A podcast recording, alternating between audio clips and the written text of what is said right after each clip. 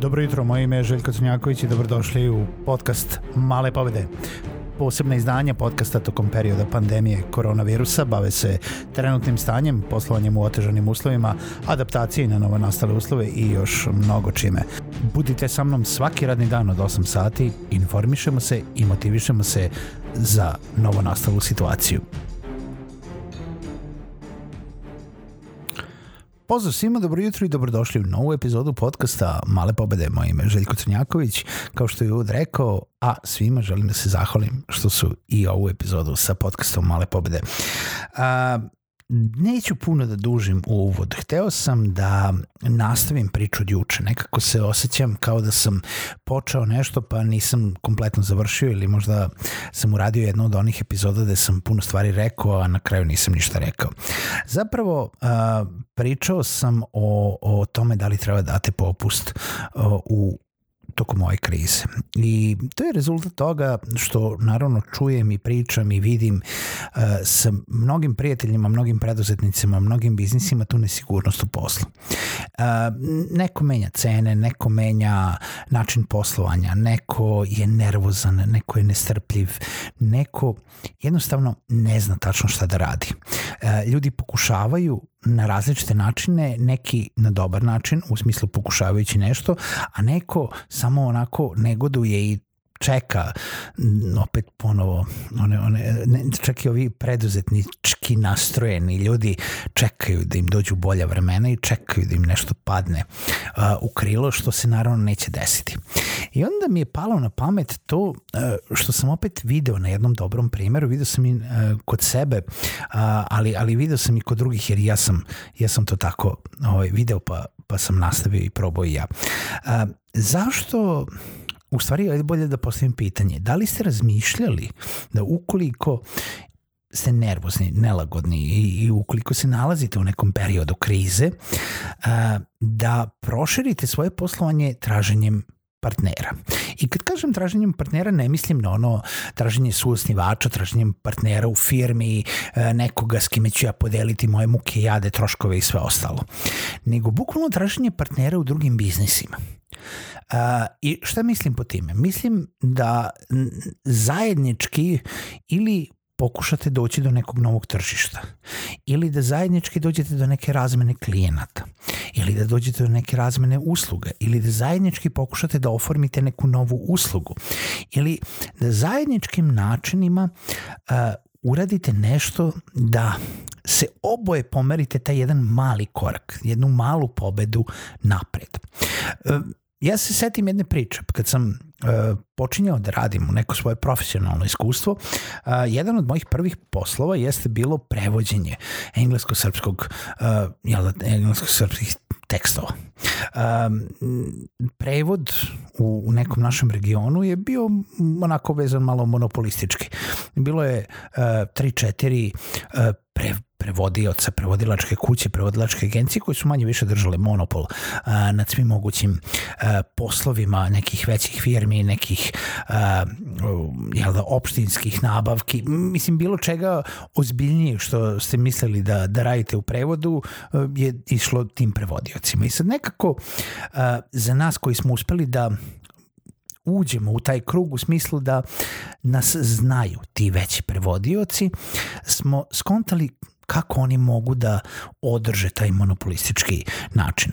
Znate, igra prevoda jeste to da vi prevodite određenu količinu teksta i to su nenormalne količine teksta, nenormalne količine stranica. Za nekoga ko ima jednu firmu, eh, ko u stvari radi sam u firmi ili možda ima jednog, dva zaposlena i s vremena na vreme dobije neki veliki projekat, nema smisla I sad, ovo možete da povučete paralelu možda sa vašim poslovanjem, nema smisla da redovno zapošljava uh, gomilu, gomilu ljudi. Treba mu radna snaga za taj jedan veliki projekat, ali ako odbije klijenta, onda neće imati taj projekat, onda neće zadržati taj monopol, nego će taj klijent morati da nađe nekog drugog. E pa, ti veliki prevodioci su uvek imali nas nekoliko nas gomilu, nas jedno desetoro, petnaestoro koji smo stvarno bili željni i voljni da radimo, a nismo mogli da se probijemo na tržište bez njih. I onda su oni radili to da su razdeljivali posao.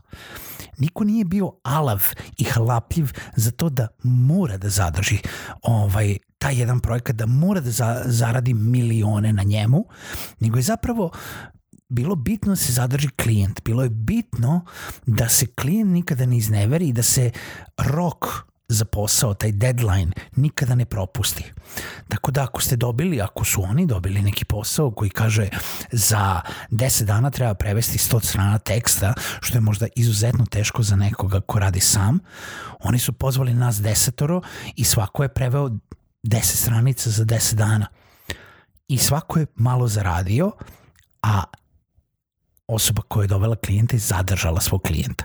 I sad, to je samo jedan primer tog razdeljivanja posla i sad, to je možda primer onoga, a, da kažemo, kada imate previše posla, pa sad koga da zovete, možda sam i pominjao taj primer. Ali ja vas sada možda želim apelovati da razmišljate još jedan korak dalje. Počnite da zovete ljude, poznanike, firme, sa kojima mislite da bi mogli da srađujete, s kojima niste možda jeste direktna konkurencija, ali zapravo nisam ni mi, moja početna premisa jeste da niste direktna konkurencija. Vidite kako bi vaše usluge, vaši talenti mogli da se uklope u neki proizvod koji bi možda oni mogli da ponude svojim klijentima da obogate svoju paletu usluga, a vi da radite za njih ili obrnuto, da pozovete nekoga da pitate da uradi jedan deo posla zato da bi vi obogatili svoju paletu usluga za svoje klijente. Ili možda da zovete nekoga i da sa njime ne spojite firme, nego jednostavno probate samo na nekom tržištu da ostvarite neko novo prisustvo, nekog totalno novog proizvoda, usluge ili nečega što bez ikakvog pravnog jel da, mrđovanja biznisa možete da testirate da vidite da li uopšte ima potražnje za tim ili ne. Ako ste kreator sadržaja, počnite da zovete ljude zato da vidite da li hoće neko da vas sponzoriše. Ako ste e, kreator e, multimedija, ako ste kreativac, počnite da zovete ljude koji rade u marketingu ili one koji ili oni samo koji su inače bili klijenti vaših usluga i počnite da vidite kako bi vi mogli da uradite ne nešto za njih, nego za njihove klijente šta možete da na neki način dobijete, da li možete da podelite neki trošak sa njima. Razmislite koliko vas košta marketing ili koliko vas košta da dobijete jednog klijenta i razmislite o tome da predložite toj drugoj osobi, troj firmi, da, u, da imate neki referral fee, jel da, da ukoliko vam taj neko nabavi klijenta za vaš posao, vi u stvari uračunate tih nekih 5, 2, 10% vašeg projekta i isplatite tog nekoga i napravite neku saradnju gde oboje imate benefita, a ne samo da zovete nekoga, e, jel možeš da mi preporučiš nekoga? Jel može da mi pošalješ nekog klijenta? Šta ja imam od toga? Ljudi čim nemaju nešto od toga, malo neće da se jel, da, toliko uzdrmaju, da se toliko rade oko toga. Ali sad, da vas neko nazove, kažem, E, ovaj, ako mi pošalješ nekog klijenta kojeg znaš da zanimaju moje usluge, ja tebi dam 10% od mog projekta. Opa! Pa dobro, možda se neću toliko iscimati da sad posebno tražim, zavisi toga koliko ja imam posla, ali ako naleti neko, sigurno ću se setiti pre tebe nego da ja izmišljam nekoga, samo ga lepo pošaljem tebi i ja uzem 10% projekta. Na primer imajte na umu ta neka partnerstva i setite se uvek onoga što sam rekao kada sam pričao o sponzorstvima, verovatno ćemo uskoro ponoviti neku epizodu od toga. Ako ne pitate, sigurno nećete dobiti ništa. Ako ne nastupate otvoreno i iskreno sa onim, sa otvorenim kartama, šta vama zapravo treba? Niko se neće setiti to da ponudi, a da ima benefita za vas plus toga sa druge strane ako se neko iseti opet će prvo gledati svoj benefit. Tako da uvek morate igrati sa, sa otvorenim kartama. Niko vas neće zvati sam od sebe.